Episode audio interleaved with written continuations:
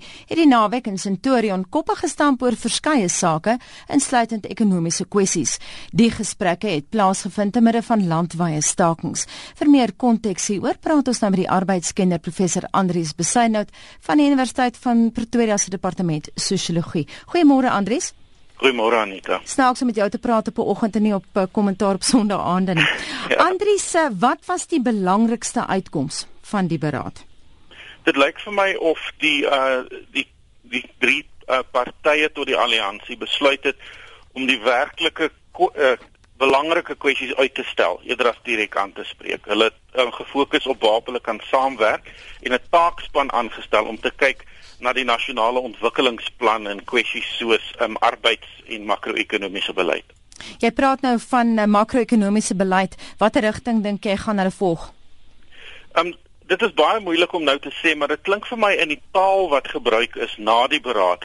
Um hulle praat van heterodokse ek ekonomiese beleid en dis 'n ekonomiese beleid wat wegbeweeg van die geer tipe beleid en meer pragmaties is. Um nie werklik ideologies nie, maar dit, dit plaas iets soos nywerheidsbeleid op die voorgrond en dit is eintlik 'n uh, die rigting wat Kusatu en die kommunistiese party wil hê dinge moet gaan om sekere faksies. Dit is baie moeilik om te praat van enige van die alliansie vennote as as 'n entiteit met een stem Anita want daar is soveel um konflik binne die verskillende um dele van die alliansie maar die taal van heterodoksie ekonomie is vir my 'n interessante deel van hulle verklaring Andries Sedomo Dlamini het nou Vrydag gesê die uitkoms van die beraad moet die partye verenig het dit Ek twyfel. Um ek dink uh dit is maar uh, uh, uh soos hulle in rugby sê, skop vir die kantlyn.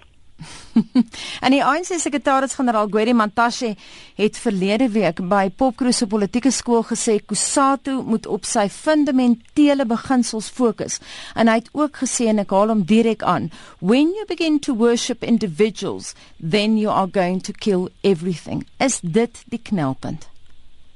Ek weet nie of dit heeltemal noodwendig net die knelpunt in Kusatu is nie. Dit lyk vir my dat hy dalk net sowel vir die ANC mag praat as dit kom by hierdie kwessies.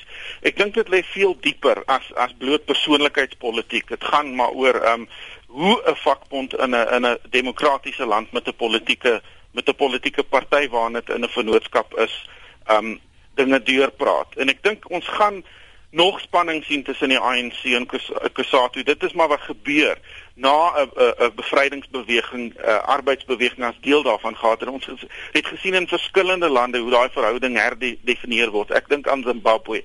Ek ek dink aan Zambië, ek dink aan Ghana, die ou die, die land wat eers onafhanklik geword het en daar is die vakbonde heeltemal onafhanklik van politieke partye. Jy praat nou van die spanning Andries tussen uh, die ANC en Kusatu nou noem sy het Vrydag gekla dat hy toenemend geteken word deur die leiers van die drie party alliansie. Wel Nomsa neem 'n sterkste standpunt in teen die nasionale ontwikkelingsplan. Uh, Kusatu het kritiek daarop, maar Nomsa is heeltemal gekant daarteen. So dit ek dink dit is maar noodwendig dat Nomsa op die oomblik uh, probleme gaan kry. Daar's ander vakbonde wat ook op die Wawi kwessie saam met hulle staan soos FAWU um, en en SAMWU.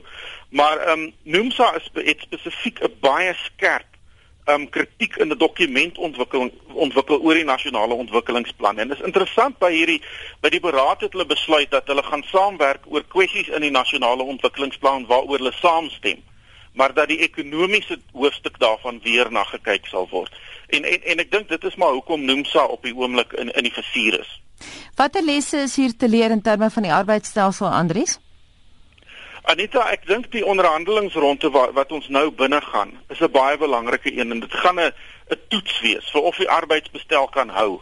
Um ek dink die groot kwessie benewens die tragiese lewensverlies by Marikana as dit die werkers um loonverhoging gekry het op grond van 'n uh, aksie wat nie binne die kollektiewe bedingingsstelsel plaasgevind het nie.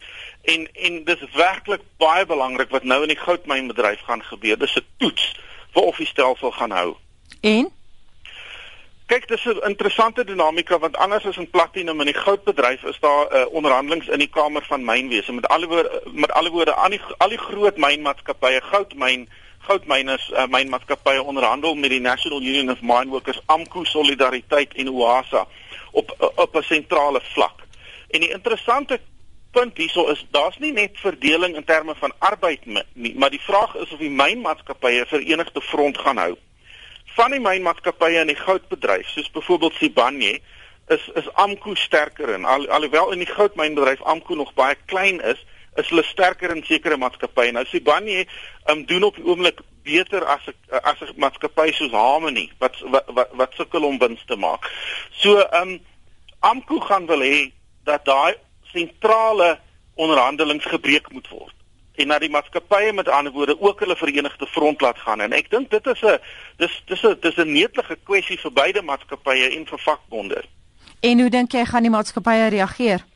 Ek sou hoop ter wille van die bestel ehm um, die breër bestel dat hulle 'n 'n verenigde front voorhou.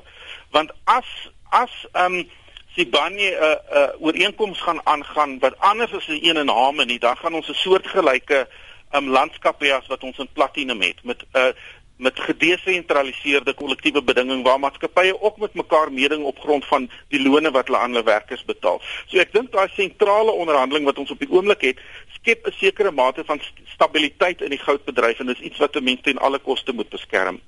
Die dinamika in elke arbeidssektor verskil natuurlik ook. Hoe speel dit 'n rol?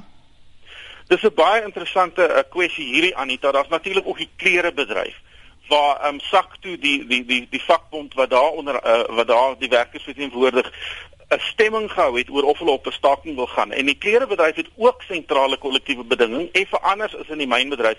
Dis 'n onderhandelingsraad of 'n uh, 'n tipe van 'n ehm um, 'n stelsel wat ons al van 1924 af het. uh, eh, 'n uh, um, en dis sentrale onderhandeling tussen werkgewersorganisasies en die vakbond en as hulle ooreenkomste bereik word toegepas op die hele industrie selfs mense wat nie aan die onderhandelings deelgeneem het nie en van hierdie maatskappye wat nie deel van die onderhandelings is nie, is op die oomblik besig om die stelsel aan te val in die howe. En dit mag selfs in die konstitusionele hof beland. So weer eens, dis die hele arbeidsbestel hoe ons dinge onderhandel in Suid-Afrika wat hier um wat hier ter sprake is.